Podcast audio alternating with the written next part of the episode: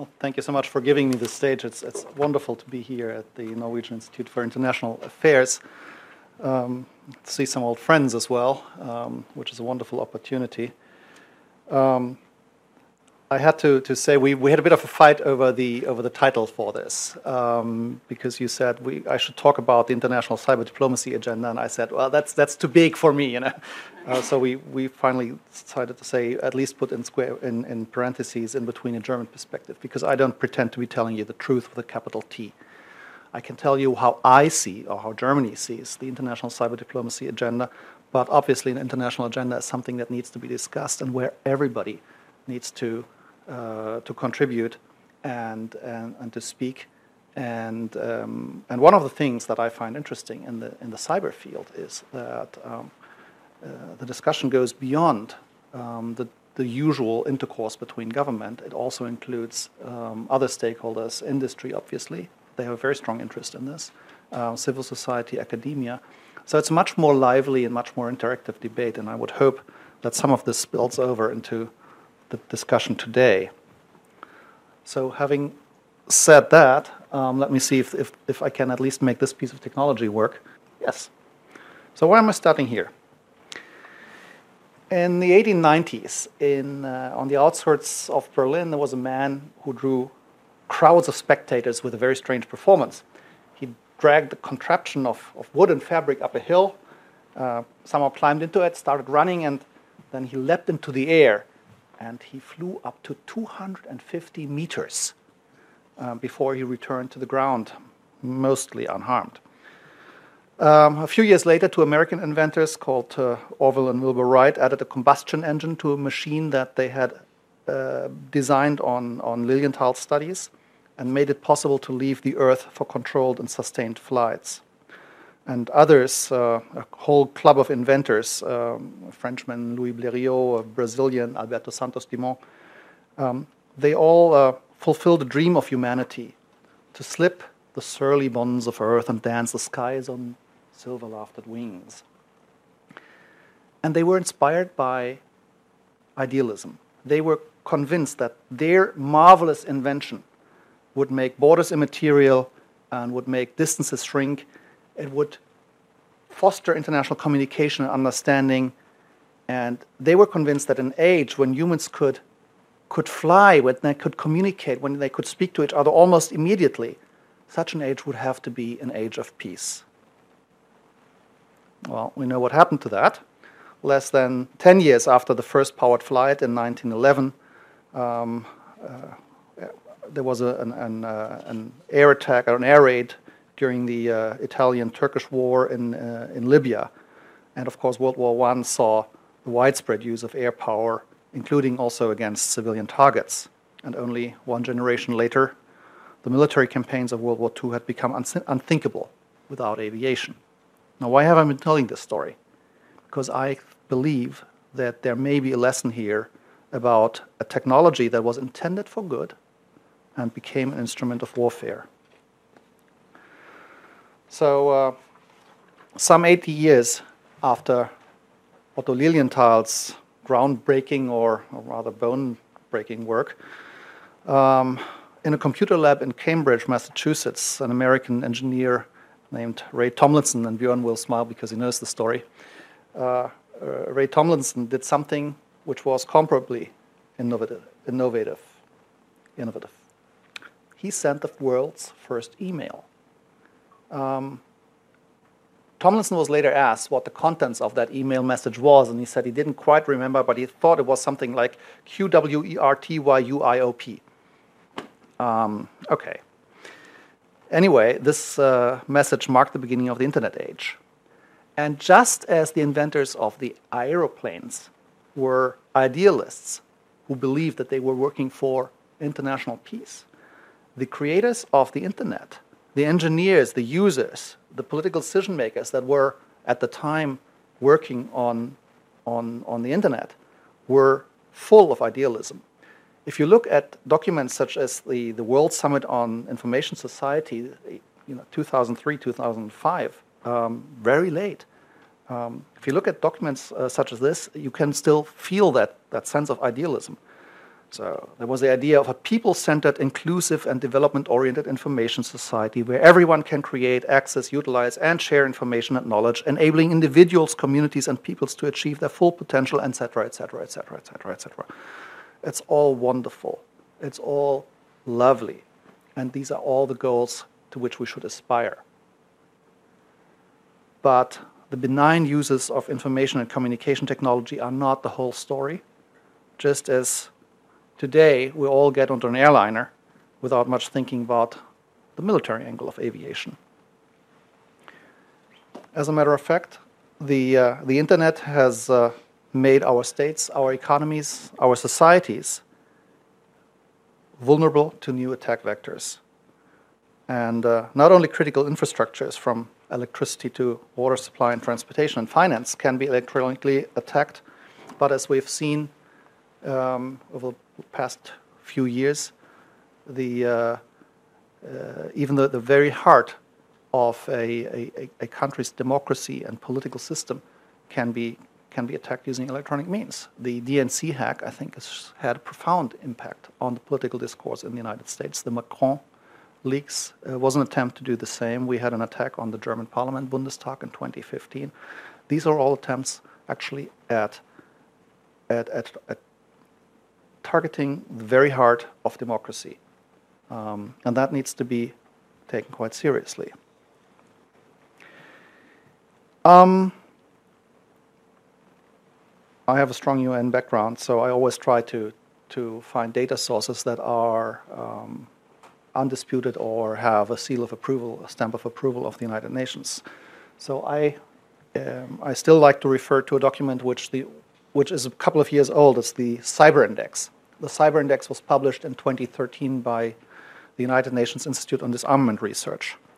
And it kind of develops a baseline of what, which countries around the globe have cybersecurity programs. Um, it's still the only document of this kind which has this UN seal of approval to it, which uh, on it, which is why I still refer to it. So in 2013, um, UNIDIR found that uh, there were 114 countries that had cybersecurity programs, and 47 of those, so roughly half of those, gave some role to the armed forces.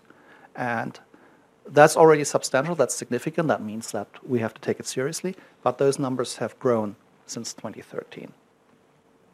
I think the conclusion of this is that cyber has moved into an area and grown into an issue which affects our our security, our politics, and um, it's something which we have to somehow address. We cannot simply wish it away. Uh, we cannot just put the genie back into the bat- bottle. Um, again, there's a, a, a, a, historical analogy we can make. In 1911, um, there was an, an attempt uh, at a meeting of the Inter- Institute of International Law to simply ban the use of aircraft for military purposes because there was a fear that aircraft could be used to attack undefended cities and violate international laws governing warfare. Um, so similar attempts are actually similar ideas are around today uh, concerning cyber capabilities, ICT capabilities. Well, we know what became of the idea of banning the military use of aircraft as diplomats, as security experts, um, we today have uh, to struggle with a new technology, with cyber, ICT cap- capabilities, just as our predecessors were about 100 years ago. Um, we're faced with a challenge to international peace and security. What does that mean? Well, um, let me give you, run you quickly through four scenarios that I can discern. The first is um, the stuff that uh, I read about in novels that I buy at the, air, at the airport. It's the all out cyber war. So there's the idea that um, you design a cyber, a, a, vicious cyber attack that could somehow cripple a country's military force, its economy, and communication, and lead to that country being defeated without a shot being fired. That is the stuff, as I said, of airport novels. Um, it um, paints a picture of war which is simply uh, unrealistic. It implies uh, severity, immediacy, uh, measurability of effects, military character, uh, state role, uh, legitimacy, and so on and so on and so on, That simply we have not never seen so far, and I am assured by at least our military experts that uh, they don't think it's a realistic scenario for the time being. So the first scenario, all-out cyber war, is what I'm not terribly worried about. The second scenario is the limited use of cyber capabilities, of information communication technology capabilities, as part of a larger warfighting effort. That is a much more likely scenario. Um, cyber attacks, in combination with conventional means of conflict, can pose a threat. Just think about it all countries today rely on modern ICT to varying extents, very much so in Norway, in Germany, probably without, throughout NATO, um, much less so in, in some countries in, uh, in the global south. But even there, uh, you'd be surprised as to how important um, ICT has become in some uh, in, in, many parts of, of the global south. You know, you, you, you, go to you go to Dakar, you go to, to, to Lagos, and you see everybody um, texting each other with with cell phone. Well, that's nothing else than ICT, information communication te- technology. So it's a, it's a comparably old technology. It's low bandwidth, but still, it's um, it's electronic communication and people doing their banking online, basically. Um, um, all countries have become reliant on on ICT, um, and that presents a, a, a target. Even where the military has its own communications network and keep that, keeps that completely distinct from civilian networks, the military cannot, cannot function for a very long period of time, for a sustained period of time, if the underlying economy is crippled. So, um, what is realistic is the second scenario the use of ICT capabilities as part of a larger warfighting scenario. The third scenario that I'm, we're worried about is the use of ICT as an element in hybrid conflicts. Hybrid conflicts involve multi layered efforts to destabilize a functioning state, polarize a society, um, and typically the aggressor tries to hide, tries to be the good guy, the guy who's standing on the sidelines watching with awe what's going on there. Oh, we, we didn't do that. Well, we didn't send those unmarked tanks across the border. Um, those men in uniforms without patch, uh, uh, uh, national flags on the arm, arms, on the sleeves. Um, we didn't do that. Um, and in such an effort, in a hybrid war effort or hybrid conflict effort, um, cyber capabilities are great tools because cyber lends itself to uh, to uh, uh, camouflage and delaying tactics, to hiding multiple uh, multiple routings, um, basically hiding who is the aggressor. And even if experts are telling you, oh no, we're pretty certain where this cyber attack, where this piece of malware is coming from, the technology allows the aggressor very often to cast doubts to say, well, you know, are you really, really sure? Um, you know, you're just putting this out there. You're just accusing us because you're always accusing us. But, you know, maybe it was somebody else. Maybe it's a false flag operation. And they'll create enough of, of noise in the system. They'll create enough, uh, enough questions in the public mind that it becomes very difficult to make a convincing case as to who the attacking party is. So the use of cyber capabilities, which is an integral part of hybrid warfare, is something to worry about. And the fourth scenario is um, that of a military crisis developing from a cyber incident. Um, we've seen in recent years a number of cases where you had relatively minor incidents, cyber incidents, um, that none of which reached you know, the threshold of, of international concern, of war. Um, but it's always possible that a cyber incident develops an escalatory dynamic. Um, there are historical analogies there as well. You know, I like those. Um, 1914, um, the assassination of Archduke Franz Ferdinand in Sarajevo, certainly wasn't worth starting World War I. But all of a sudden it happened. And similar dynamics are also conceivable in cyberspace. Now, we have a, an incident where somebody attacks a power grid in, in, in, our countries. All the electricity goes down, huge economic damage. People, people might die from the consequences. And we don't know who did it. So we look around. Uh, we go like, oh, it's probably the neighbor over there because that neighbor over there is always the bad guy.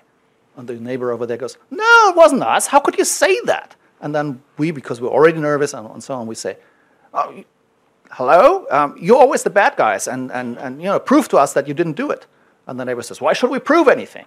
You know, if you continue talking this way, then you know, we'll, we'll take you to the security council. Well, no, we don't talk, talk to, take, take you to the security. We'll, we'll expel all your diplomats.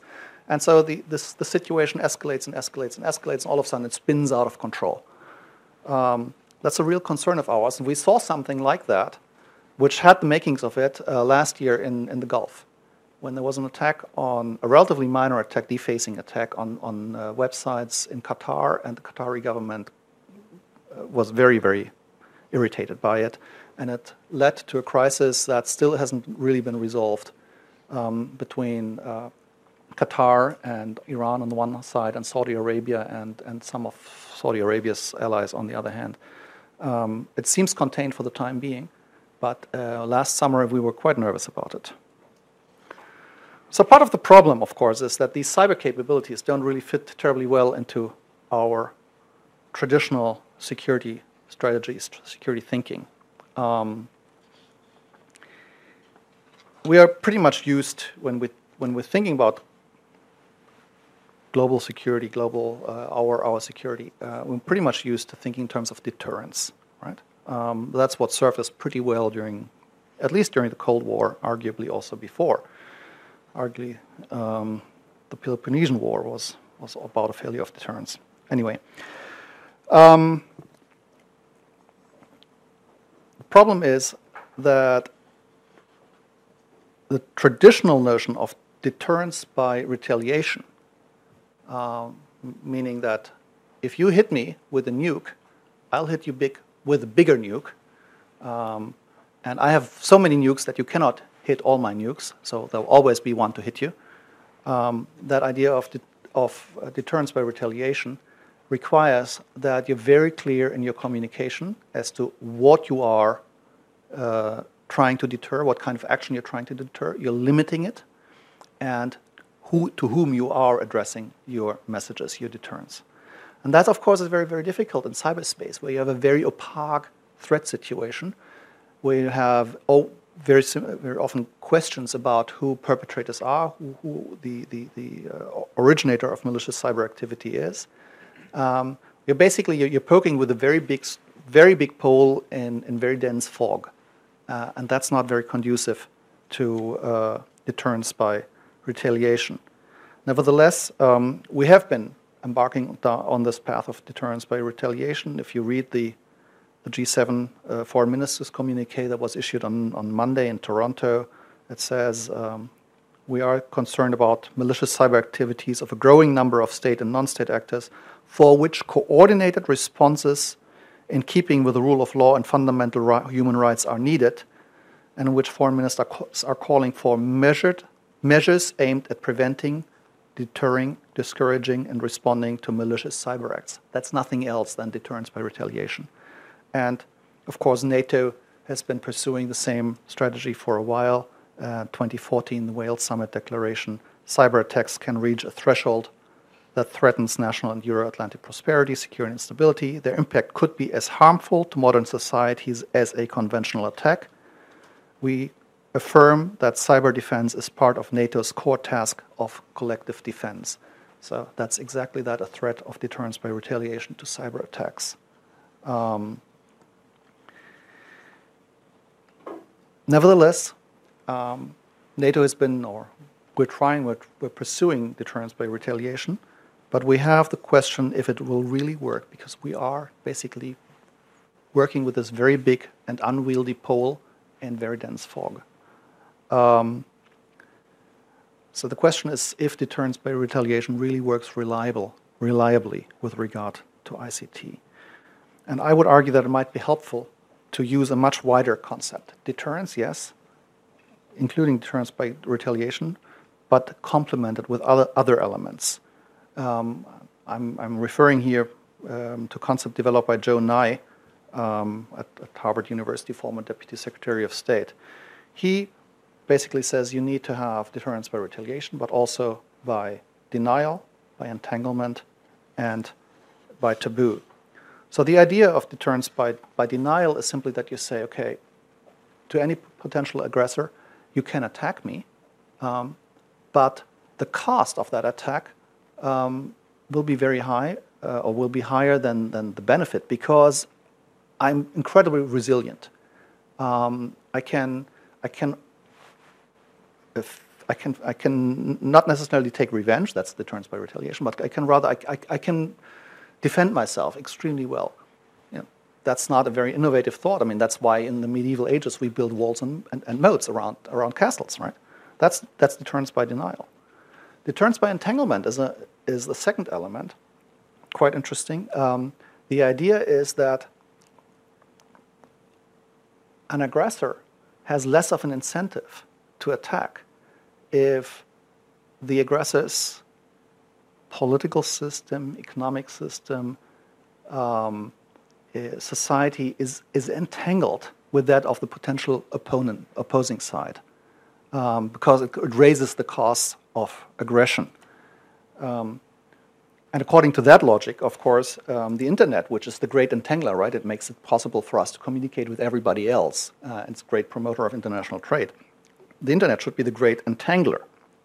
Um, and as a matter of fact, I would put to you that this is a good reason why we should uh, continue calling for an open, secure, stable, accessible, and peaceful uh, internet environment because it actually might very well uh, be an element contributing to global stability and security.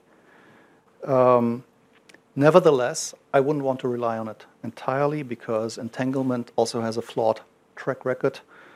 Um, it um, historically, um, just just thinking back again to World War One, um, the societies of Europe at the time were incredibly closely entangled. Um, the societies and economies, including the ruling elites. I mean, they were all, all related to each other, and it still didn't prevent the outcome of World War One. And uh, according to some statistics I read, it took the European economies until the 1970s to reach the same level of interconnectivity that they had in 1914. So entanglement might work, but it's not perfect. Um, there's also a, a, conceptual flaw. Entanglement uh, builds on social and economic ties. Um, but international security requires military strategic security, and, and, those two don't equate necessarily very well. Finally, there's the idea of, of deterrence by taboo. That uh, is the idea that normative considerations deter actions by imposing reputational costs that damage an actor's soft power beyond the value gained from a given attack. Um, so you basically you're just declaring an action off limits. That's something you don't do. Okay, um, and that's pretty much what we've been doing uh, for a while in the United Nations. Um, we're uh, we're working to promote common understandings, existing and potential threats in the sphere of information security, and possible cooperative measures to address these threats, including norms, rules, and principles for responsible behavior of states, um, confidence building measures, the issue of the use of ICT in conflicts, and how international law applies to the, uh, to the use of these technologies by states. That's the exact wording, by the way, of the uh, mandate of the last two groups of, of uh, UN government experts. Um, so I would argue that this, this whole work on, on norms, on how international law applies, that's really trying to build entanglement, uh, entanglement or deterrence by, I'm sorry, that's really trying to build deterrence by taboo. Now, what's interesting to me is that um, uh, each of these non traditional elements of wider deterrence corresponds to certain issues on the international cyber diplomacy agenda and to specific levels of action. So, at the global level, we seek rules for responsible state behavior in cyberspace. So, we're trying to build taboos. At the regional level, we try to build confidence that states will engage in rules and that's seeking mutual entanglement. And at the individual state level, finally, we try to build cyber resilience, and that's really working on denial. I would argue that taken together, those elements form a self reinforcing triangle of international cyber stability. And I'm observing that um, more and more states are actually pursuing a uh, cyber diplomacy approach which looks very much like, like this triangle. So let me be very clear. Um, this triangle is no replacement for a robust cyber security policy that includes actions to respond to malicious cyber acts, deterrence by retaliation. Rather, it complements deterrence by retaliation. So when we put it all together, it looks something like this. Right? The non traditional elements of a wider deterrence built in a way, a roof on, on, this, on, on the fundament, on the on the, uh, the, fundamental structure that is put there by deterrence by retaliation. Allow me just to quickly go through um, some of the elements uh, of this uh, self reinforcing triangle very quickly. I don't want to take too much of our time. So, looking at the, the rules for state, uh, for state use of cyber capabilities, um, responsible state behavior and, and, and, cyberspace. That's what we do in the United Nations, as I out, uh, outlined to you. And we've been doing this really since, since 2005. In 1998, I'm going back even a little bit further, in 1998, the Russians uh, came to the General Assembly and said, We have a problem, we need to talk about information security. And the rest of the uh, UN General Assembly said, What have you been smoking? Um, but the Russians kept persisting, and in 2005, um, the, the, United Nations is, is, pretty much like any other organization, right? If what does an organization do when it is faced with a problem and doesn't have an answer? First, it ignores. It did that for, for seven years, and then finally, it establishes a working group. Right? Study it. That's what the UN did. Um, so they established a group of government experts to work on the issue. The first group of government experts couldn't reach consensus, so it just broke down. Uh, 2009, 2010, there was another one which said, well, as a matter of fact, um, as a matter of fact, um, if ICT use, the effects of ICT use carry significant risks for public safety, the security of nations, and the stability of the globally linked international economy as a whole. So, after only 12, this was in 2010, after only 12 years of negotiations, the United Nations finally agreed that yes, we have a problem. Um, I love I love my job sometimes. Um, 2013, there was another one of these groups. Um, that one actually arrived at what is pretty much considered a, a, breakthrough report because it said that international law applies. International law and the United Nations Charter is applicable and is essential to maintaining international peace and stability. And then there was another such group in 2014, 2015 that fleshed out this finding a little bit more.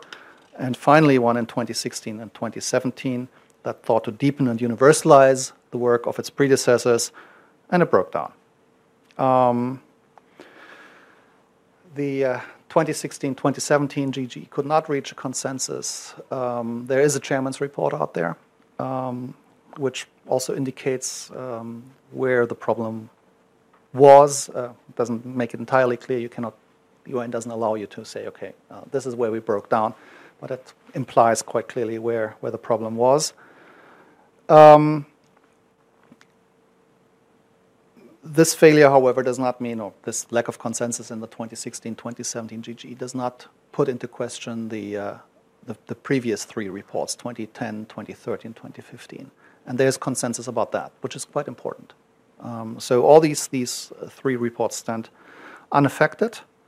And the question that we're discussing now is uh, where do we go from here? Um, we have a process which has served us well for a number of years, and it broke down in, in last June um, when you know, we just one one expert left the room saying this doesn't make sense anymore. Um, these were the exact words. Um, where do we go from here? Um, there's any number of, of proposals out there, and no, I won't go through them in detail, and you also won't be quizzed on them. Um, but um, basically, the two the two extremes are either to say, let's just continue as we did before. Let's just have another one of these groups of government experts. It's a tried format, um, it's, it's small, it can be handled, um, it, it's expert, and, and the experts can be you know, can, can build on what has been done in the past, et cetera, et cetera. Um, the other extreme is a proposal that's been put out there by the Group of 77 and China, which is to say, actually, this whole thing doesn't make sense anymore. We need to have universal negotiations on an international code of conduct, on, on uh, the use of information technology by states. Um, let's, let's have an open ended working group to this end. And all the other proposals are, in a way, variations on this theme. Um, but those, those two are the ones that are out there. And I would say that um, of those two extremes, um, having another GGE, well, my British colleagues puts, puts it very well. Um, she says, um, continuing to do the same thing, expecting a different outcome, is a sign of madness.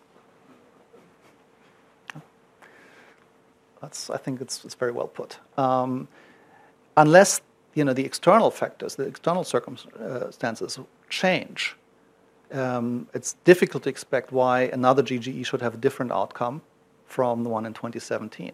Um, the, the, people meeting in 2016, 2017 were responsible individuals. They had clear mandates, they, they knew what they were doing, and there was just no ground for consensus. So, what would be different in 2019, 2020? Um, maybe, maybe things have changed. I don't, I personally, I don't think that the international environment has become much more conducive to compromise, but maybe I'm mistaken. Um, the other proposal, the other extreme proposal, which is to have a, a an open-ended working group or even a conference of states, um, also begs questions. Um, I'm, I'm wondering if, if the issue is mature enough, if enough states really are familiar with the issues, um, that they could engage in a substantive discussion. I also believe that the disagreement we had, even in the small group among the 25 experts in 2016, 2017, indicates that we're not clear about where the actual issues are. What is it that we're really fighting about? Um, we have very different perspectives on this. And if you are not clear what you are, what you're fighting about, it's very difficult to negotiate an agreement. So the issue isn't, in my mind, uh, the issue isn't, isn't mature yet for wider negotiations. I'm not excluding it in, in, in the future once we have you know, narrowed down the areas that need settling, once we've, we've, we've honed in on where do we really need a, uh, uh, an international agreement. But at this point, I don't think we've, we, we are there yet. We have arrived there yet. We need something in between. And um, I, would, I would put to you there's a, there's a proposal out there which a couple of countries, Germany included, have have uh, have formulated, which is to say, well, let, us try and meet somewhere halfway between those two extremes, another GGE and an open-ended working group. The idea is is really to say have a small group like a GGE that meets for a limited period of time, so we're not establishing any new sitting structures. Um, and between its meetings, this group consults with the wider UN membership and other interested stakeholders. So you have an element of transparency, of openness. You get new, get input from outside the group, but then you go back and and discuss within a smaller. Basically, it becomes a drafting committee uh, within a smaller group. Uh, you go, you dig deep, more deeply into into the issue, and then you go and consult again, uh, explain where you are, get input, get responses, and then you go back into this this consulting mode. Um, that's um, that's one of the proposals out there that, I, that I'm putting to you as, as a, you know halfway between the two extremes. Just quickly on the onto the next corner of my of my triangle, the one um, on building confidence that states actually agree to uh, the rules we have for for uh, responsible state behavior in cyberspace. That's mostly done actually not at the global level, right? Rules we agree at the global level. Confidence building we usually don't, don't do at the global level. It becomes unwieldy. Confidence building is what's usually done at the regional level. There's a good reason for that. And the reason, reason is that confidence building conflict resolution measures are most needed at the regional level. If you think about it, most conflicts between states are regional conflicts the global conflict between two countries that are far away is very rare. It's usually between conflict usually happens between neighbors. It's over things like border delineation, treatment of ethnic minorities, sharing of joint resources, water, fisheries, whatever. That's what, uh, what leads to conflict between nations. It's, um, so it makes sense to try and do conflict resolution at a regional level. And in Europe, we have a good tradition of this. Um, we have established during the Cold War the OSCE, at the time it was the CSCE, the Conference on Security of Cooperation in Europe. Um, it's now the OSCE, the Organization for Security and Cooperation in Europe. And that actually has been very active in the cyber field. Um, I'm not going to bore you with the details, but the OSCE has been working um, since 2011 on the issue. It has developed two sets of confidence building measures specifically dedicated to addressing, mitigating um, cyber conflict um, or risks stemming from the use of information and communication technologies. And maybe what's very interesting is that the first of these sets of OSCE CBMs was agreed in December 2013 at the Ministerial Council in Kiev. Now, if you think back to December 2013 at the Ministerial Council in Kiev, what was happening? Right, that was just while the Maidan revolution was going on. And we'd been really, really working very, very hard on, on negotiating that text. And I was convinced when, when, when we had finally reached consensus, I was convinced that these CBMs would never be implemented, that the OSCE would not get down to doing it. And I was completely wrong. This was for, for years after 2013. This was one field where all participating states were really engaging positively and proactively. And we made really, really good progress. We've slightly taken, we've, we've since, since last summer, I'm observing a slowdown. Um, but I'm hoping that we can can pick up again. And as a matter of fact, there has been a, a positive signal at the last ministerial council in, in Vienna when um, the participating states did agree on a ministerial council decision dedicated to cyber issues. Now, maybe I should explain this a little bit. In the OSCE world, uh, a ministerial council decision is pretty much the equivalent to finding the Holy Grail. Um, they, they are very, very rare. Um, getting getting uh, the ministerial council is the highest body of the OSCE, and getting all 57 uh, ministers to agree on a text is is almost impossible. Other, the only regular exception is to say, okay, we'll meet again next year. They, they can always agree on that, but that's the only thing. Um, so having a ministerial council decision, two now, we had one in 2016 and one in 2017. Having two ministerial council decisions on, on information communication technology indicates that the participating states are very, very interested in controlling cyber and conflict stemming from cyber in the OSCE area. So that's good. And there are a number of other regional organizations that are embarking on similar programs. Interestingly enough, relatively early was the African Union, which adopted a, a cyber stability charter more focused on cybercrime, um, but still um, adopted such a charter in 2014 the African Union has, uh, the, the uh, Organization for American States has a program. Um, the ASEAN Regional Forum, very interesting because it's, I think, the only regional organization which brings both North and South Korea together, um, has a, a, a, work plan on cyber. So a number of regional organizations have uh, these kinds of, uh, of, of, cyber activities, um, and um, they deserve our support. Now, very quickly moving on to the third element of, uh, of um, my triangle. Oh, no, sorry. Um, the, the rules and the confidence building measures are all great and wonderful, but they don't make a lot of sense if not all states are in a, in a, uh, in a position to contribute to this game if, um, if not all states are in a, in a position to contribute to a minimum of, of cybersecurity. Why is that? Basically, because the, the internet is a global web of webs.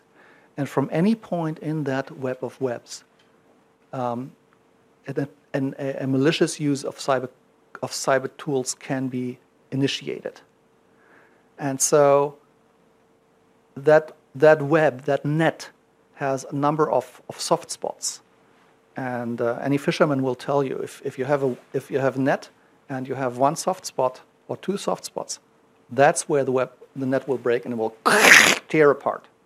Um, And so uh, this is a rather uncomfortable uh, uh, analogy because it means we have to really make an effort to bring all countries into a situation where, at the, at the very minimum, they can contribute to a minimum standard of, of, of cybersecurity, of ICT security. Contribute to deterrence by denial. Because what's happening in Somalia can actually have an effect on the security of Norway.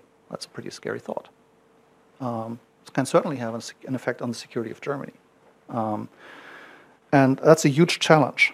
Um, I don't think we've even seriously begun addressing this challenge, um, but we need to do it. We, for uh, on our side, we have uh, decided in, to establish a German Institute of International Cybersecurity to do our bit to this end. Um, other than taking the decision, um, we haven't made a heck of a lot of progress. That's also due to our domestic politics, which have been keeping us uh, uh, um, basically in, in, in, a kind of, of, of, limbo for, for nine months um, until quite recently when we formed the new government. But I'm, I'm looking very much forward to, to doing this now, establishing this new Institute for International Cybersecurity and, uh, um, and seeing its, it, its operations to begin. So, I began my presentation with an analogy, that of aviation technology, which about 100 years ago offered so many hopes for a better, peaceful future, and which then became an instrument of unprecedented warfare. And I believe that we need to avoid a similar development where cyber is concerned. This means finding a consensus on the rules for responsible use of cyber capabilities by states. It means building confidence that states will adhere to these rules, and it means enabling all states to behave in a rule abiding, confidence inspiring, and ultimately security building manner. That is a rather tall order. I am still optimistic that it can be fulfilled, and I think it's time to get to it. So, with that, thank you very much.